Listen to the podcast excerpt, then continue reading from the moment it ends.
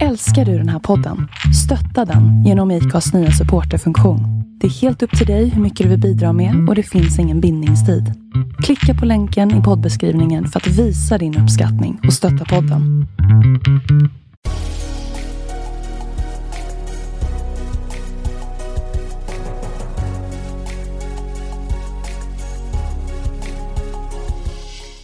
Välkomna till podden Vart är vi på väg? Med mig Jon Skoglund. Och med mig Jonathan Mellblom. I den här podden kommer vi intervjua framgångsrika sociala entreprenörer och experter inom ämnet socialt och impact entreprenörskap. Vi ger dig som lyssnare de bästa tipsen och den bästa inspirationen för hur man genom innovativa och entreprenöriella metoder kan hitta lösningar på samhällsutmaningar. Häng med!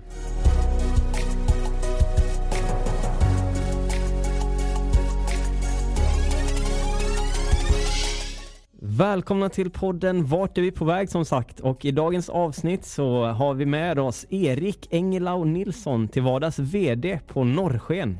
Yes, och Norrsken jobbar med att investera i företag som vill lösa olika samhällsutmaningar. Det kan vara från en cirkulär ekonomi, det kan handla om att minska matsvinn eller att digitalisera och eh, göra lärandet för skolelever runt om i världen mer kreativt och mer up to date.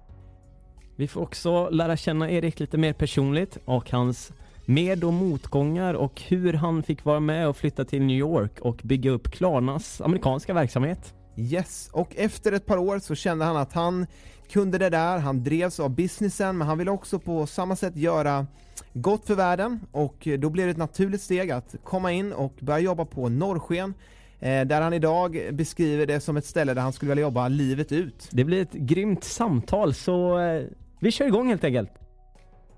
Välkommen till Vart är vi på väg? Eh, och idag har vi Erik Engelau Nilsson från Norrsken med oss, vilket är väldigt trevligt. Och vi sitter här på Clarence Sign Hotel i centrala Stockholm och spelar in i vårsolen. Eh, kul att ha dig här Erik. Jättekul att vara här, även om det är som du sa, vårsol ute. Precis, och vi sitter inne i en bur här. Bunken på Clarion. Ja, det kanske man inte får säga. Nej. Det är i alla fall ett fönster ut i parken. Ja, det är underbart. Det är fint. Hur eh, har dagen sett ut för dig då? Ja, den har varit kanon. Um, väldigt inspirerande och kul. Träffat massa spännande uh, entreprenörer, hängt med teamet och pratat om grejer vi ska göra i höst. Träffat partners uh, och nu är jag här. Är en Kul. väldigt, väldigt bra dag än så länge. Mm. Hur brukar dina dagar se ut ungefär? De börjar på all, alltid på samma sätt, men sen är det väldigt svårt att veta vad som händer. Um, eh, jag börjar med att vakna och gå ut med min hund och ta honom till eh, dagis. Och sen efter det är det möten, um, jobba med teamet, träffa partners, träffa entreprenörer, jobbar med investeringar lite och sådär. Mm. Um, ofta i Stockholm, men vi reser ganska mycket Mm. eh, på grund av vår expansion.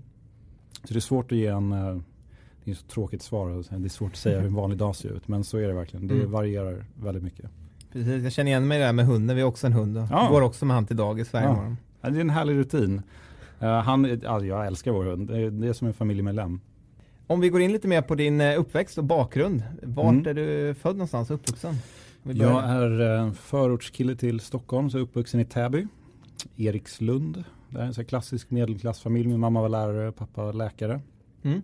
Eh, med två syskon. Mm. Mm. Äldre eller yngre? Yngre. Yngre. Mm. Så du var storebrorsan? Jag var storebrorsan. En väldigt här typisk storebror. Alltid ha rätt, alltid bestämma. Domderade vad de skulle göra. Det var nog inte världens enklaste storebror. Men, men, ja. nu har vi väldigt härlig relation. Ja, just det.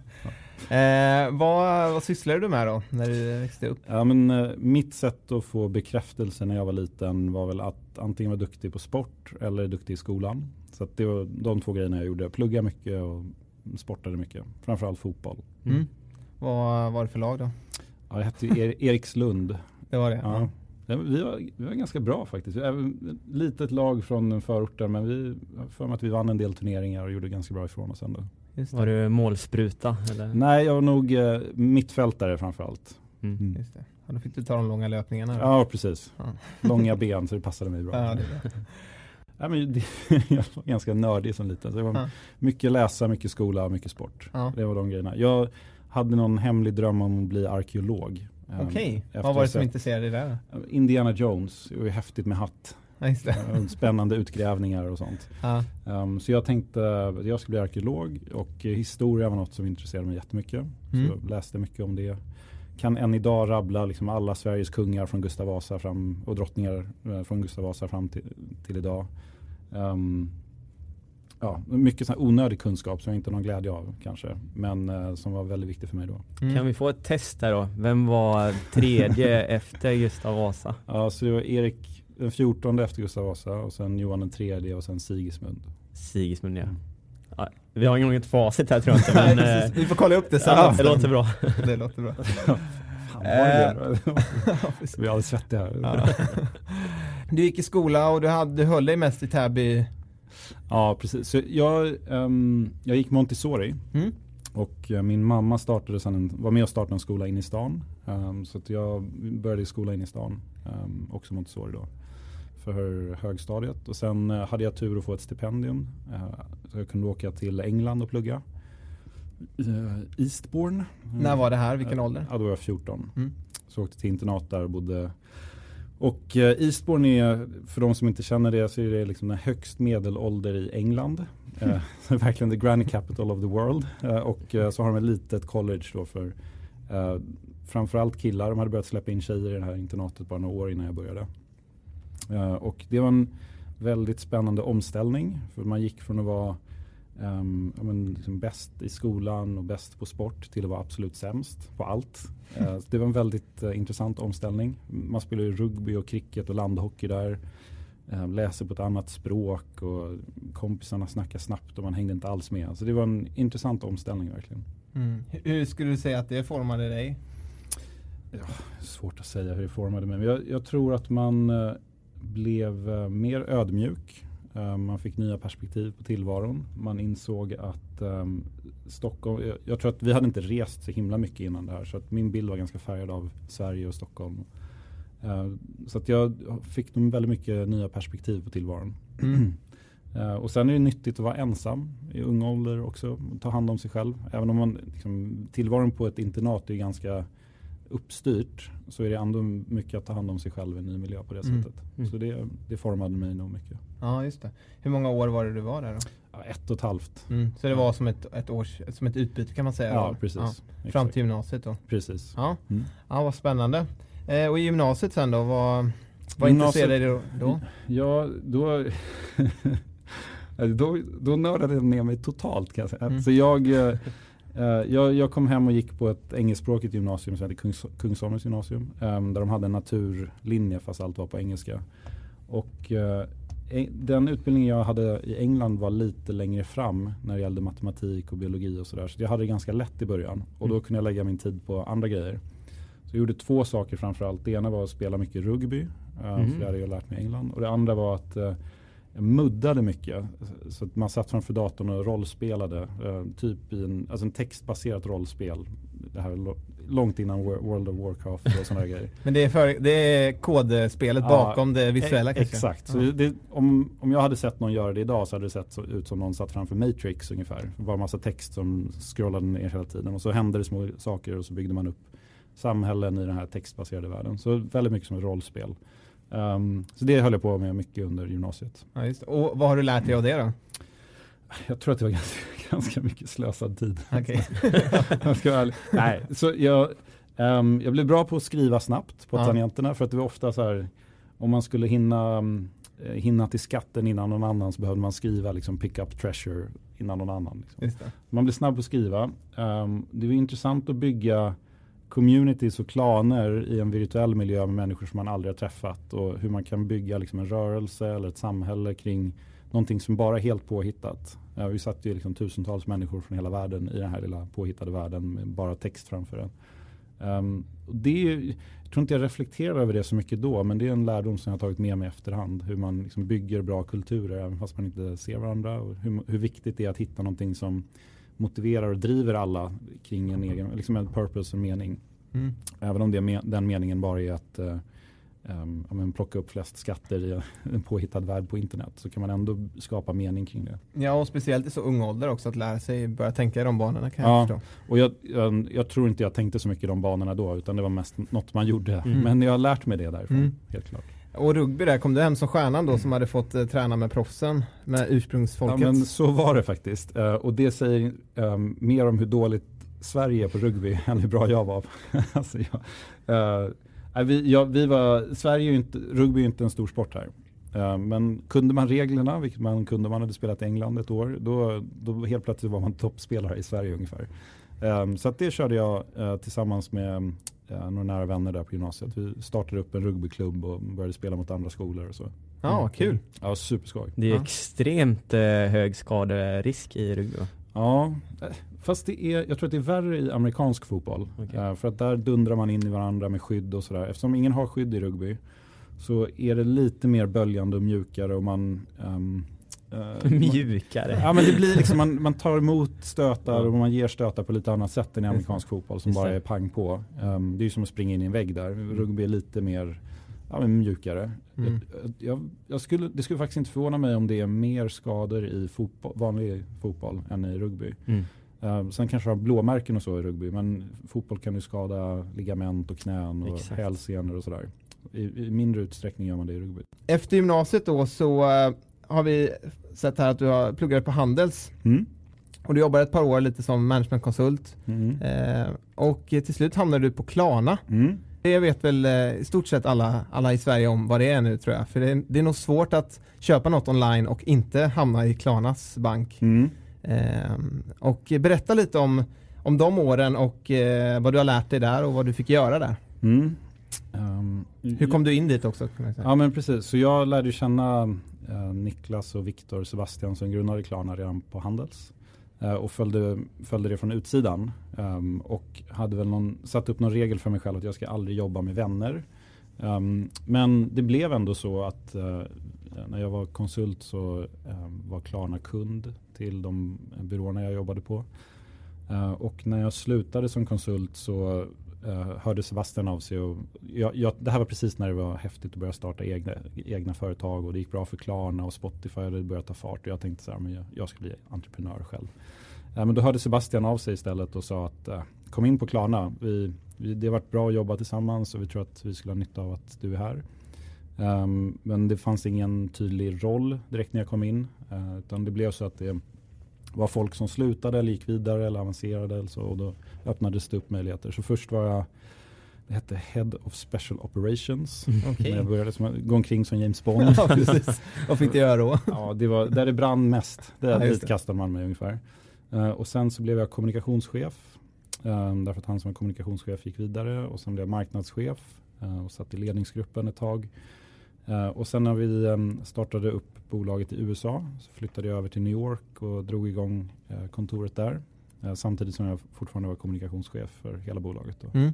Var USA ett av de första länderna ni expanderade till? Nej, nej absolut inte. Nej, Klarna hade, jag, nu vet, jag kommer inte ihåg exakt siffror men jag tror att Klarna finns i 18 länder. Mm. Och, och USA var ungefär land 18. Ja, Okej, det var så. Som hade gjort massa expansioner. Um, Mm. Började i Norden och i Tyskland, Holland um, England och sen så småningom i USA. Då. Var det. att, eh, fanns det något eh, beprövat koncept då, som du fick i händerna som du skulle ta till USA och göra samma grej eller var det som en helt ny eh, approach där? Ja, precis. Ja, Det fanns ju en USA-chef också, eh, Brian Billingsley, som, som drev den verksamheten. Och han, han var i Sverige ett tag och, eh, och lärde, lärde sig hur liksom, det funkar i Sverige med Klarna och hur vår kassalösning, då, checkouten, funkade. Och den, den funkade verkligen bra i Norden och, och, och jag tror att vi fick väldigt stort självförtroende och tänkte att det här kommer funka överallt. Alla människor tänker kring betalningar på samma sätt och beteenden ser ut eh, exakt likadant överallt.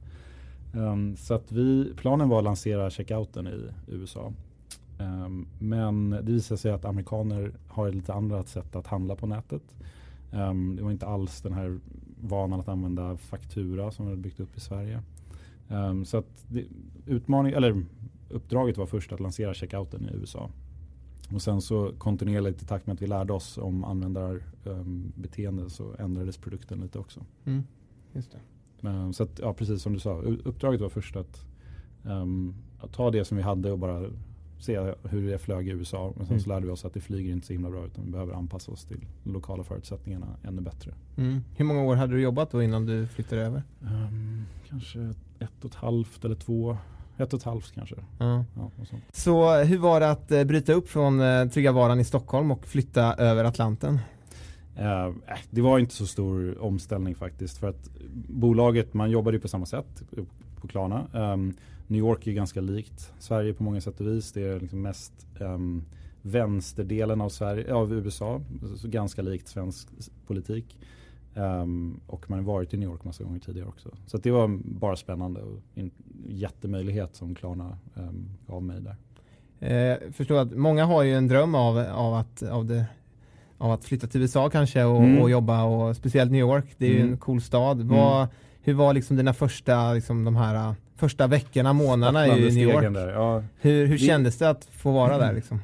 Det är väldigt stort och snabbt. Eh, mycket händer, väldigt hö- härlig energi. Men det, det kan man ju få i London också eller Paris. Men New York är, det är någonting speciellt med den stan med optimismen och eh, energin och drivet hos de som bor där. Eh, sen hade ju Klarna ett kontor i Columbus, Ohio också. Så man fick verkligen se båda delarna av USA. Liksom den Midwest eh, och East Coast. Mm. Så det, ehm, det var väldigt mycket resande i USA eftersom det fanns kunder överallt. Eh, så var både i New York och San Francisco och Columbus mycket. Och sen så jobbade du där då och vad, vad var det du fick vara med och göra? Du fick sätta upp kontoret där då? Och, Ja, och det, och det låter ju mer än vad det var. Man snackade med massa mäklare och hittade bästa stället liksom. mm. Eh, hjälpte till med rekryteringar, uh, började sätta kulturen där i New York.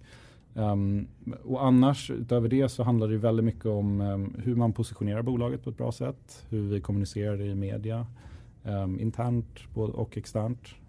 Mm.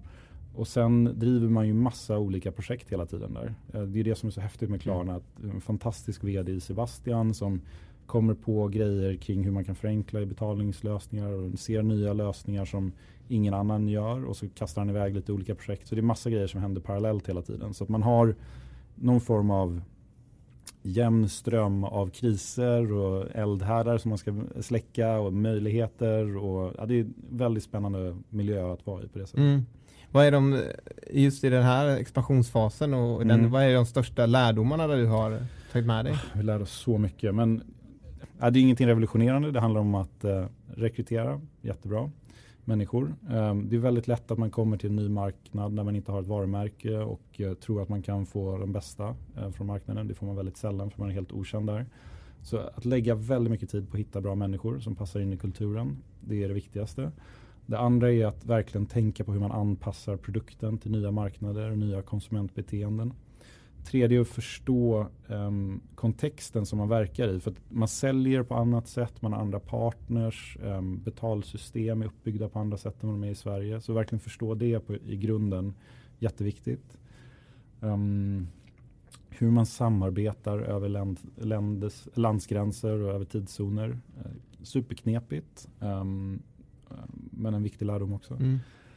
Ja, vad spännande. Ja, så det vi skulle kunna sitta här i timmar och prata om allting som man lär sig där. Men eh, ehm, överlag så, handl- så kokar det alltid ner till liksom, fit, hitta det bästa teamet. Mm. Ehm, och få dem att samarbeta på ett bra sätt eh, med huvudkontoret. Och sen anpassa produkten efter de lokala förutsättningarna. Mm. Spännande. Eh, under din tid i New York, eh, vad, vad är det också för händelser som har prä- präglat och format dig privat och, och liksom framåt i den personen du är idag?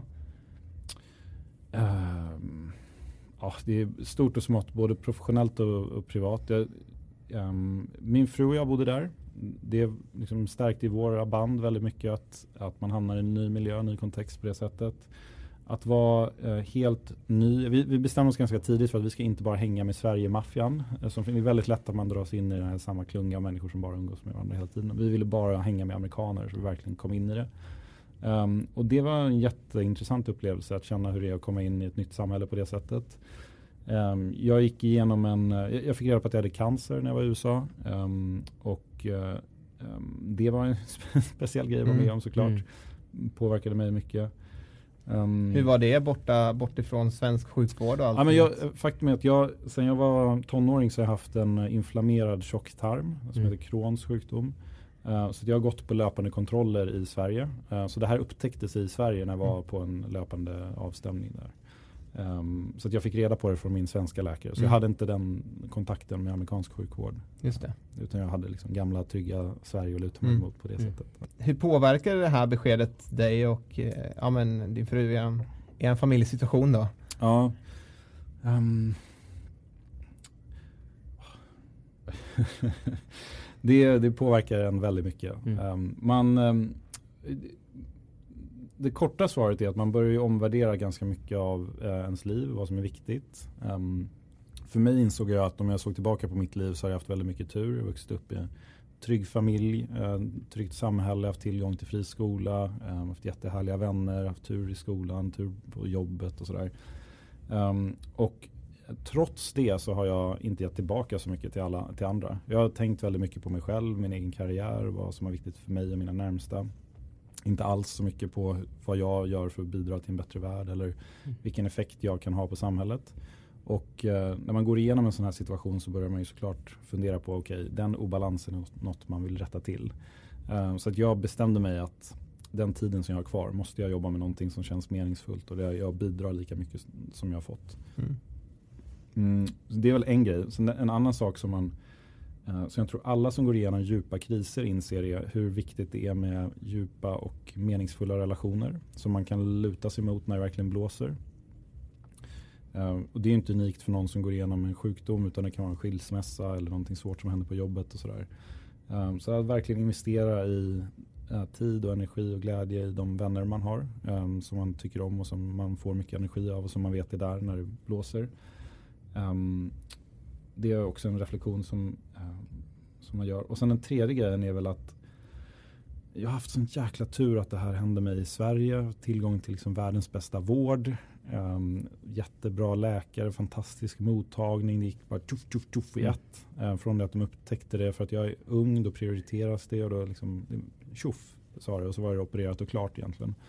Uh, det är så många som går igenom sjukdomar eller svårigheter som inte alls har tillgång till samma lyx. Mm. Människor som lever i fattigdom eller i länder där man inte Mm. har utvecklad sjukvård.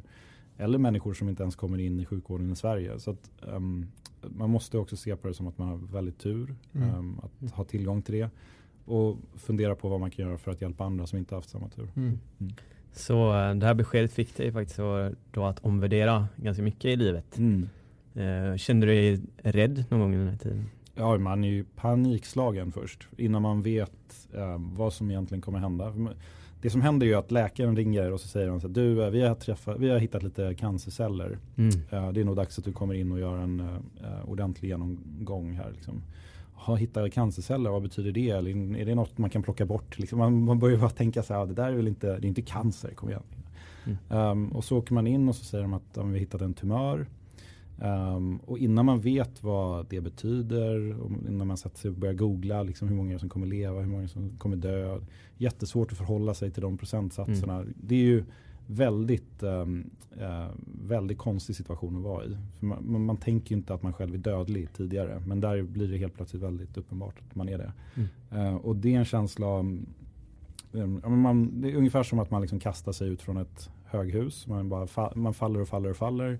Plus att man har en isande känsla hela tiden. Um, och så börjar man ju reflektera mycket. Vad ska man göra med den tid man har, med de relationer man har och så. Um, men sen går det över också. Alltså Mm. Det är ju bara som vilken kris som helst. Liksom man får hantera det uh, och börja bygga utifrån det. Och det här fick ju också då konsekvenser för din arbetssituation Mm. med Ja. Klarna. Ja, precis. Jag, det var inte så att cancern direkt ledde till att jag sa upp mig från Klarna utan det var så att jag eh, och Niklas redan på tiden på Klarna pratade mycket om hur kan vi använda den plattformen som finns på Klarna till att hjälpa välgörenhetsorganisationer. Ehm, men det här gjorde att det, det, liksom det accelererade från min sida. Niklas hade ju redan bestämt sig för att sätta upp norrsken innan det här. Ehm, och jag tyckte att när möjligheten med norrsken dök upp så var det bästa tänkbara sättet för mig att meningsfullt bidra till ett positivt samhälle. Um, så att jag um, jag flyttade hem till Sverige, opererades och sen så fort jag kom upp ur sängen i princip började jobba med norrsken. Vad, eh, vad är norrsken för någonting? Ja, eh, bästa som finns. Men norrsken är en idé om att alla som har ehm, alla som vill och kan kan bidra till en bättre värld genom att använda den erfarenheten och kompetensen som man har till att faktiskt lösa samhällsutmaningar och inte bara att liksom, skapa någonting som berikar en så mycket som möjligt.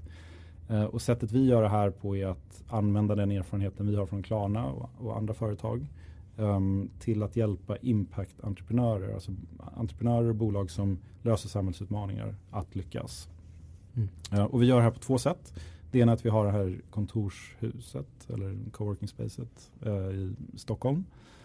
Här sitter 120 företag som alla löser samhällsproblem på ett eller annat sätt. Um, förhoppningsvis med ny teknik men det kan vara eh, organisationer som FN också. Um, det är det ena vi gör och det andra är att vi investerar i de här bolagen. Så vi har rest en fond uh, som direkt investerar i bolag precis som en vanlig VC-fond. Vilka, vilka bolag finns med i bland de här som ni har finansierat? Ja, så det är uh, 16 investeringar totalt hittills. 14 av dem i Sverige. Um, och vi är helt agnostiska när det gäller typ av problem man löser. Det viktiga är att det är fantastiska entreprenörer eh, och det kan vara då exempelvis hur man accelererar övergången till en cirkulär ekonomi som ett bolag som Hygglo. Det kan vara hur man skapar digitala, digitala äh, läromedel som Cognity. Det kan vara hur man minskar matsvinn som Karma eller Matsmart. Um, det kan vara äh, bolag som accelererar övergången till äh, solenergi som Eneo. Så en, en stor bredd av olika äh, mm. organisationer som alla har två saker gemensamt. Det ena är att de löser något samhällsproblem och det andra att det är riktigt grymma entreprenörer som har varit med och startat det. Mm. Du jobbar idag som vd på Norrsken. Det mm. var din första roll. På Norrsken ja. ja, ja. På Norrsken. Hur var det att eh, lämna Klarna som en väldigt expansiv, eh, kanske världens mest expansiva onlinebank eh, för att flytta hem till Sverige och börja på något som kanske var lite mer osäkert? Mm. Um, ja, men för mig så var det självklart för att jag ville göra någonting som kändes mer meningsfullt. Man kan ju diskutera Klarnas roll i samhället och hur mycket den, eh, det bidrar positivt. Det kanske är till och med så att i vissa fall är negativt. Men det kändes i alla fall inte rätt för mig att vara kvar där. Även om det är en fantastisk arbetsplats och underbara människor som jobbar där. Uh, utan det som Norrsken erbjöd, att, att faktiskt kunna använda min erfarenhet till att lösa samhällsutmaningar var för bra för att vara sann. Så att jag, det var ett självklart val för mig. Sen är det massa grejer med Klarna som jag älskar och som vi försöker ta med till Norrsken. Mycket av kulturen med att få saker att hända, fokusera på att jobba snabbt, hela tiden vara en utmanare, hitta på nya lösningar. Allt det där vill vi ta med till Norrsken. Så övergången har varit betydligt enklare än vad jag trodde att den skulle vara. Mm. Och sen så var ju liksom flera av de som jag jobbade med på Klarna kom till Norrsken också. Mm. Um, eller var på Norrsken innan jag kom dit. Så det var en väldigt enkel övergång på det sättet. Mm. Och vad, vad är det bästa med jobbet som vd på Norrsken? Uh, det bästa? Oh, det finns så många. Eller så här, det absolut bästa med Norrsken är utan tvekan teamet. Mm. en fantastisk grupp människor som jobbar där som är så mycket smartare och mer drivna än vad jag är. Um, men som jag får lyxen att jobba med. Um, och det är människor från alla typer av bakgrunder, direkt från skolan eller från olika startups eller från större institutioner. Eh, det är utan tvekan nummer ett. Sen nummer två skulle jag säga är att man får träffa så otroligt mycket spännande entreprenörer. Man får nästan nypa sig i armen över hur inspirerande det är ibland att gå till jobbet. Eh, det är människor som har idé, hopp, energi, driv, passion. Eh, ofta om du öppnar en tidning eller slår på tvn idag så känns det ganska hopplöst och det kan vara lite deprimerande om man bara hänger på norrsken en halv dag så inser man att det är inte så farligt. Det finns ganska mycket bra lösningar på, på alla de här problemen där ute. Det där tycker jag är väldigt in intressant. Jag har hört att du har sagt tidigare också det här med Hans Rosling där att uh, han, han, han belyser väldigt tydligt på att världen inte är så dålig som man, mm. som man tror. Mm. Eller som vi tror ute i stugorna om vi tittar på nyheterna och man blir ganska instängd och tycker att allt är skit. Mm. Uh, och du, du har ju sagt det tydligt att det är verkligen din verklighet också. Uh, berätta om det. Um, jag tycker att Gapminder, det arbetet som de gör är fantastiskt. Och de, och de, visar ju ett antal saker. Dels om man bara tittar på datan så utvecklas världen helt otroligt. Um, om man bara jämför med hur det var för 50 år sedan så har vi minskat absolut fattigdom, barnadödlighet och så vidare. Och så vidare. Punkt efter punkt är det bättre än någonsin. Uh, om man föds idag har du större sannolikhet att leva längre än du någonsin har tidigare oavsett var du föds på, på jorden. Um, men med det sagt så finns det ju såklart problem liksom lösningen historiskt sett har varit ekonomisk tillväxt. Eh, och ekonomisk tillväxt har dragit människor upp ur absolut fattigdom och skapat resurser för att investera i allt från utbildning till infrastruktur. Men baksidan av ekonomisk tillväxt är att vissa saker, liksom vissa negativa externaliteter inte är inprisade på ett bra sätt. Så att det har varit billigt att plocka upp kol och liksom smutsa ner naturen. Vi har eh, epidemier av fetma idag istället för undernäring. Mental ohälsa växer väldigt snabbt. Det finns en del problem som är väldigt stora och som vi måste hantera. Men överlag så är världen bättre än vad den någonsin har varit.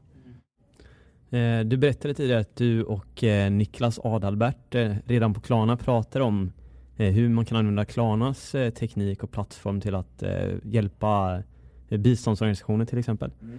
Eh, hur fann ni varandra i detta och vad är den bakomliggande drivkraften för dig tror du att jobba med impact eller socialt entreprenörskap? Ja, um, jag vet faktiskt inte riktigt när eller hur vi fann varandra för att ja, på på Klarna så var det ehm, väldigt intensivt arbete och Niklas var vice vd, jobbade mycket med säljorganisationen, jag jobbade mycket med marknadsorganisationen så det var naturligt att man jobbade tillsammans. Plus att när jag var kommunikationschef där så gick Klarna igenom ett antal mindre kriser och lanseringar och sådär. Då jobbar man väldigt nära. Så man lär känna varandra superväl i en sån situation. Eh, och vi har nog lite olika drivkrafter. Jag tror, I Niklas fall så handlade det alltid om att han tänkte att om jag bara blir ehm, eh, eh, ekonomiskt oberoende så kommer jag bli jättelycklig. Eh, det är en supertydlig korrelation mellan rikedom och lycka. Så blev han jätterik men insåg att han blev inte jättelycklig eh, och tänkte att okej okay, det kanske finns någonting annat som driver honom och, och, vill skapa meningsfullhet för honom. Och för mitt, i mitt fall så jag var inte alls lika smart eller medveten som han var eh, utan jag behövde gå in i väggen med den här cancern för att inse att jag, behövde, att jag ville göra någonting annat. Mm. Eh, när vi är inne på det här ämnet impact och socialt entreprenörskap, det är det vi vill belysa i den här podden på olika sätt från olika vinklar, både från eh, startups, från investerare, från eh, ideella organisationer, eh, ja, statliga eh, myndigheter som, som jobbar med kanske och bidra i sådana här arbeten. Vad är socialt entreprenörskap för dig eller impact entreprenörskap som ni brukar prata om? Ja, det finns ju massa olika definitioner av det här och jag tror att historiskt sett har man pratat mer om socialt entreprenörskap. Vi försöker prata mer om impact entreprenörskap eller impact startups. Bara för att vi, vi vill hitta uh, affärsmodeller som löser en samhällsutmaning eller klimat eller miljöproblem i själva affärsmodellen. Uh, och att den affärsmodellen gärna får tjäna pengar. Vi tycker inte det finns en motsatsförhållande där utan tvärtom om man har ett, ett bolag som tjänar pengar och löser ett samhällsproblem samtidigt då är det ju fantastiskt om det eh, växer för då skapar man mer resurser och eh, man har en kultur av att få saker att hända. Ehm, så vår definition är då att man har i affärsmodellen, för varje mer enhet du säljer så löser du ett problem lite mer. Eh, och sen så letar vi efter lite andra grejer också. Gärna skalbar teknologi, bra produkter, bra användarupplevelser, det ska vara hög etisk standard och så vidare. Um, men, men kärndefinitionen är nog att i affärsmodellen löser man ett samhällsproblem. Mm. Har ni eh, kommit på några bra sätt för att mäta impact och utvärderar ni innan till exempel ett investeringsbeslut och eh, hur mäter ni efter investeringsbeslutet? Ja, det här är en superknepig fråga som alla som jobbar med impact brottas med. För att problemet med att mäta impact är att det är svårt att ställa två typer av impact mot varandra. Eh, till exempel, är det viktigare att rädda någon som drunknar i Medelhavet idag? Eller är det viktigare att investera i att öka jämlikheten i ett samhälle eller minska klyftorna? Eh, det är svårt att ställa dem mot varandra. Eh, så sättet vi mäter impact på är att vi tittar bara på ehm, de olika områdena och ställer område, liksom investeringar i respektive område mot varandra. För då kan man jämföra. Ehm, och då kan man se till exempel vad Eh, per investerad krona hur mycket koldioxidbesparingar får man? Eller per investerad krona hur mycket ökar man jämställdheten eller minskar klyftorna? Eller per investerad krona eh, hur snabbt kan vi accelerera övergången till digitala läromedel? Vad det nu är. Um, så att vi mäter impact inom respektive område i tre dimensioner. Vi kollar på det som man klassiskt sett benämner output, outcome och impact. Uh, out, om man tar Tesla till exempel Output i deras fall är hur många bilar producerar de. Outcome är hur mycket um, koldioxid minskar man som en konsekvens av det. Och impact av det är okay, vad får det för effekter för Volkswagen när de ställer om sina um, produktioner till elbilar istället. Uh, så det är de tre dimensionerna mäter vi alla våra investeringar. Eh, tänker ni på något sätt men att ni bygger en portfölj av olika slags eh, impactbolag? Mm. Om man tänker utifrån till exempel FNs hållbarhetsmål är det så att ni medvetet eh, riktar er till olika eller eh, tar mm. ni bara det bästa? vi, um, uh, vi tror så här att om man tar en top-down approach och bestämmer sig för att vi ska bara hitta lösningar inom det här området. Då börjar man kompromissa på massa saker. Vi kompromissar på kvaliteten i entreprenörerna. Det kanske finns bättre entreprenörer i annat område. Och vi tror att det som har varit den um, flaskhalsen tidigare, eller det har varit en brist på, det är grymma entreprenörer. Så att vi försöker vara helt agnostiska när det gäller hållbarhetsmål. Vi, vi, tar alla 17 hållbarhetsmålen och sen så letar vi bara efter den bästa produkten, bästa entreprenörerna som har då en affärsmodell som löser ett problem. Och för oss spelar det inte stor roll vilket problem det är. Eh, sen så blir det så att um, vi har investerat mer i till exempel matvärdekedjan. Um, ehm, men det är slumpmässigt att det har blivit så. Och det, vem vet, det kanske blir så att vi bygger upp en speciell kompetens kring det och så kommer vi göra fler investeringar utifrån det. Men det som vi var bra på när vi drog igång var liksom att titta på produkten, entreprenörerna och drivkrafterna där. Inte så mycket på att förstå om den här impacten är viktigare än den impacten. Så då var vi, valde vi att vara agnostiska där. Om man tittar framåt för Norrsken så ser vi att ni har en ny grej till hösten här som ni kallar för Norrsken Impact Week. Eh, och där ni riktar strålkastarna egentligen mot 100 Impact Startups. Kan du berätta lite kort om vad det här är för någon vecka och eh, finns det möjlighet för folk att ta del av den på något sätt? Yes, här, om man bara tar ett steg tillbaka först och kollar på eh, hur den här, det här området har kommunicerats tidigare, tidigare, de problemen som vi står inför, så kan man säga att det har ofta målats upp i ganska dystra ord. Um, folk känner ångest eller verkligen eh, har svårt att ta till sig vad de här problemen är. Eh, och det är, inte ofta, det är inte den mentaliteten som man löser problem på bästa sätt. Man löser problem på bästa sätt när man känner en trygghet, glädje, optimism, kreativitet. Så.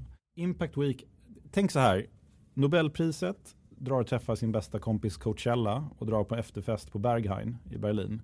Det är vad vi vill skapa med Impact Week. Så någonting som har tyngden och um, trovärdigheten av Nobelpriset kopplat till liksom lustfylldheten och glädjen på Coachella men med liksom festligheterna, eller festligheterna, men liksom ravet på Berghain. Så det är vad vi vill skapa kring Impact Week. För att det är så långt ifrån hur man brukar kommunicera eh, hållbarhet, sustainability och impact eh, som man kan komma. Och det är det vi tror kan komplettera allt annat fantastiskt arbete som görs på bästa sätt. Eh, så vi har bara tänkt att kan vi på något sätt initiera lite mer optimism i de här frågorna. Att inte bara se det här utifrån vilka stora problem det är utan också vilka möjligheter kommer det här. Och då började vi med att tänka att vi vill hylla impactentreprenörer ännu mer. På samma sätt som Nobel hyllar de bästa vetenskapsmännen eller Polarpriset hyllar de bästa musikerna vill vi skapa någonting som hyllar de bästa impact startupsen. För att då vet vi att om man gör det på ett kul entusiasmerande sätt så kommer det byggas lite status och man får mer händer och fötter i den riktningen. Så det var vad vi började med och sen så har det här blivit större och större. Så att det kommer vara en hel vecka nu i september där vi eh, fokuserar på lite olika områden under veckan. Så en vecka är för alla utvecklare och produktägare som jobbar med impactbolag. De skapar en unconference och hackathon för dem. En dag kommer vara en arbetsmarknadsdag så för Sveriges och Nordens alla studenter kan man komma dit och träffa impactbolag om man vill, är nyfiken på att jobba på sådant bolag. En dag kommer vara fokus på investerare och möjlighet för de här startupsen att träffa investerare. Uh, och en grej vi också gjorde var att skapa den här listan då med de 100 bästa impact startupsen i Norden. För vi tror att det finns många människor som vill jobba för den här typen av bolag som vill ha både en professionell eh, och personlig utveckling men också göra någonting som är meningsfullt. Och man har inte riktigt kunnat hitta en bra plats där det har funnits en samlad lista på liksom, här är ett bolag som jag kan vända mig till om jag vill jobba för ett sådant bolag. Så det var, det var tanken först. Uh, nu kommer vi öppna upp den här listan för vi har säkert missat massa bolag så att människor kommer kunna nominera organisationer som vi inte har med på listan. Sen kommer vi ha röstning och sen i slutet av september kommer vi ha en stor gala då också där, man, där vi utser en vinnare. Den här vinnaren får fantastiskt pris som uh, vi kommer kunna berätta mer om sen men det kommer vara ett av världens största pris uh, för startups egentligen. Grymt, jättekul initiativ och just att hylla entreprenörerna och höja statusen det kanske är något som Norrsken verkligen har haft en väldigt stor roll eh, i Sverige. Att faktiskt höja statusen för socialt entreprenörskap. Eh, om man kollar på framtiden för Norrsken, har ni några expansionsplaner eller kommer ni hålla er här i Sverige? Ja, man blir ju ganska rastlös som entreprenör. Eh, så att vi eh, började, för det vi har skapat i Stockholm tror vi har haft en skillnad eh, och tror har gjort gjort, eh, eller har betytt mycket för impact-entreprenörer här. Um, och vi tror att vi kan ha samma effekt i andra städer, andra marknader eller kanske till och med ännu bättre effekt. Så det vi ska göra nu är att lansera i uh, Rwanda, i Kigali, uh, ett Northern House som förhoppningsvis ska bli Östafrikas största hus eller community för impact och entreprenörskap. Och sen så tittar vi på Europa också, förmodligen London. Spännande alltså. Ja, det är otroligt spännande och läskigt på samma gång. Ja, men ni, som Jonathan sa, ni har en stor roll eh, och ni spelar en stor roll idag, speciellt i Sverige. Eh, bara när vi ska bjuda in gäster hit så blir det lätt eh, något i ert paraply just för att ni har dragit till er väldigt många av de här företagen. K kanske ganska naturligt, men, men ändå väldigt kul också. För en tid sedan så var jag på Norrsken House eh, på en kväll om How to build purpose-driven startups. Och där var ett panelsamtal, bland annat med en som heter Caroline Valerud och hon sa på frågan om hon trodde att våra samhällsutmaningar kommer att vara lösta om tio år. Och då sa hon att de utmaningar vi har idag kommer att vara lösta då för att de måste vara lösta då. För att det kommer komma nya utmaningar om tio år som vi måste ta tag i då. Eh, för dig, hur tänker du kring detta med framtiden? Kommer vi att kunna lösa problemen? Det är ju en svår fråga, men, men vad, hur ser du på framtiden? ja, det är en liten fråga. ja, precis. Ska vi ta en timme på det här? Nej, men, um, Eh, jag håller med henne. Det är mycket av det som vi står inför idag som vi måste hantera. Eh, för, att, för de är, det är exponentiella risker. Det kan vara allt ifrån hur vi reglerar artificiell intelligens till hur vi hanterar klimatfrågan till framväxten av mental ohälsa och så vidare. Men det, um, det är lätt också att man börjar, jag tror att en utmaning med klimatfrågan till exempel är att man tänker vad kommer hända om 30 år eller 20 år eller så. Redan idag så finns det mer än en halv miljard människor som lever under absolut fattigdom. Och det är jätteviktigt att vi inte glömmer bort dem. För det är, det är liksom värsta och vidrigaste mänskliga förutsättningarna att leva under. Uh, och om vi bara tänker på vad som händer om tio år, det är jätteviktigt att man gör det också. Men det är lätt att man glömmer bort här och nu att det finns enormt mänskligt lidande som vi måste ta hand om och som är vårt um, ansvar som medmänniskor att ta hand om. Så att um, framtiden, jag tror att den är jätteljus. Jag är optimist i grunden. Jag tror att de trender vi ser, stora trender med att öka, vi har ökad livslängd, vi har en ekonomisk tillväxt som lyfter upp människor, vi har fler och bättre jämlikhet och så vidare mellan länder. Det kommer fortsätta. Men det finns vissa utmaningar som är stora och som vi måste hantera. Men låt oss inte glömma bort här och nu också. För att eh, om du tar klimatfrågan till exempel, om man frågar folk så, men vad är det egentligen du är rädd för där? Ja, men det är att människor kommer drabbas av klimatförändringar och det kommer skapa lidande och det kommer skapa fattigdom och det kommer drabba de som redan idag har det svårast och att de måste flytta och så vidare. Men de har det redan svårt idag. Vi måste inte vänta i 20 år eller 10 år för att hjälpa dem. Utan det är människor som lider idag, som, leder, som lever under fruktansvärda förutsättningar. Uh, och det är inte så jäkla dyrt att rädda eller förbättra deras tillvaro. Mm. Så att jag hoppas att även om det är otroligt viktigt att vi tänker på vad som händer om tio år, att vi faktiskt kan samla oss och lösa några av de problem som finns här och nu också. Mm, det låter väldigt bra. Eh, och jag tror det är en utmaning att, eh, som du säger, att vara en optimist, men inte bara vara en optimist för framtiden, utan vara en optimist här idag. Mm. Vad kan jag göra för min omgivning? Eh, att inte tänka så stort hela tiden, utan börja i det lilla hela tiden. Mm. Och det är ju, um, vad, vad är det man brukar säga, man ska inte äta en hel elefant, utan man börjar med svansen eller en liten bit av den. Och det är ju sådär, alla, alla stora resor börjar med ett litet steg. Mm. Ja men jätte, jättespännande verkligen. Eh, och eh, jag tror att det, det, är verkligen en av de största, st största utmaningarna det här med fattigdomen. Och man säger ju det att det är väldigt få personer i världen som skulle kunna utrota hela fattigdomen med deras kapital om man säger. Mm. Så som du säger, det finns ju oändliga möjligheter och det behöver inte vara så komplicerat. Ja, men om, om man tittar på just fattigdom, det är en intressant fråga för att man tittar på utvecklingen så har gått från kanske två miljarder som levt i absolut fattigdom till vi börjar närma oss ungefär en halv miljard människor som lever där. Um, och det är i princip utrotat utanför Afrika. Och av absolut fattigdom, en, en halv miljard människorna, så är 40% lever antingen i två länder, i Kongo eller Nigeria. Och I Kongo är det väldigt svårt att utrota fattigdom för det finns ingen infrastruktur. Uh, samma sak i delar av Nigeria. Uh, så att, uh, sen så finns det också krigshärdar där det finns absolut fattigdom. Så att liksom det, det, kan vara så att det viktigaste man behöver göra för att lyfta människor ur absolut fattigdom är att bygga en jättestor armé och lösa de konflikthärdar och konfliktområden som vi har. Vilket ingen pratar om. Men sen också att skapa just infrastruktur för ekonomisk tillväxt i de delar av världen där det verkar som att det tar för lång tid nu. Mm. Det är något vi kan vara med och bidra med kanske. Yes, Erik. Vi har haft ett eh, kanonbra samtal här idag. Eh, spännande att få höra mer om eh, vad Norrsken är och om dig också som person. Eh, tänkte avsluta med några korta frågor här. Ett socialt företag, företag eller impactföretag som du tror på framöver? Ja, det, alla bolag vi har investerat i tror vi ju på, men, men det är ett bolag som vi inte har investerat i eh, som jag verkligen tycker är, alltså det är så spännande som man får, eh, eh, man blir alldeles knäsvag. Det, så är det Northvolt eh, som Peter Karlsson har startat som eh, ska bygga då världens, eller inte världens, men eh, Europas största batterifabrik. Det är ett otroligt spännande projekt ur så många dimensioner. Dels därför vad det kan bidra med impactmässigt men också för att det är ett sånt enormt industriprojekt. Och det är en helt galen startup. Alltså, de ska resa 40 miljarder och har ingen verksamhet. Det är sjukt spännande.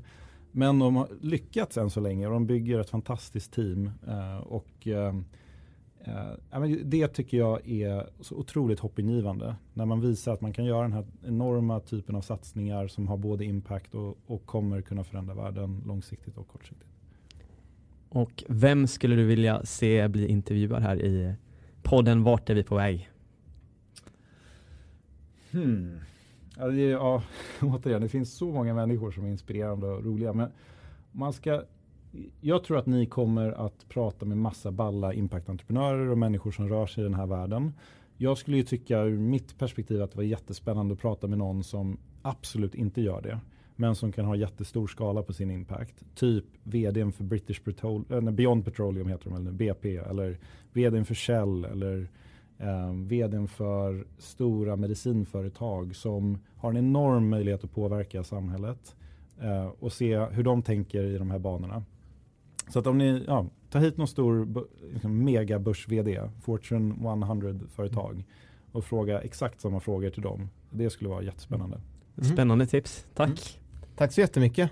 Eh, och med det så vill vi eh, säga ja, tack för idag och kul att ha dig med. Och eh, vi önskar all lycka med det ni gör. Vi tack, kommer, det behövs. Ja, absolut. Det tror jag och eh, ni gör ett bra jobb. Vi ser fram emot den här Impact Week som är i höst eh, och komma dit. Eh, ja, vi säger så helt enkelt. Yes. Tack så mycket. Tack så mycket.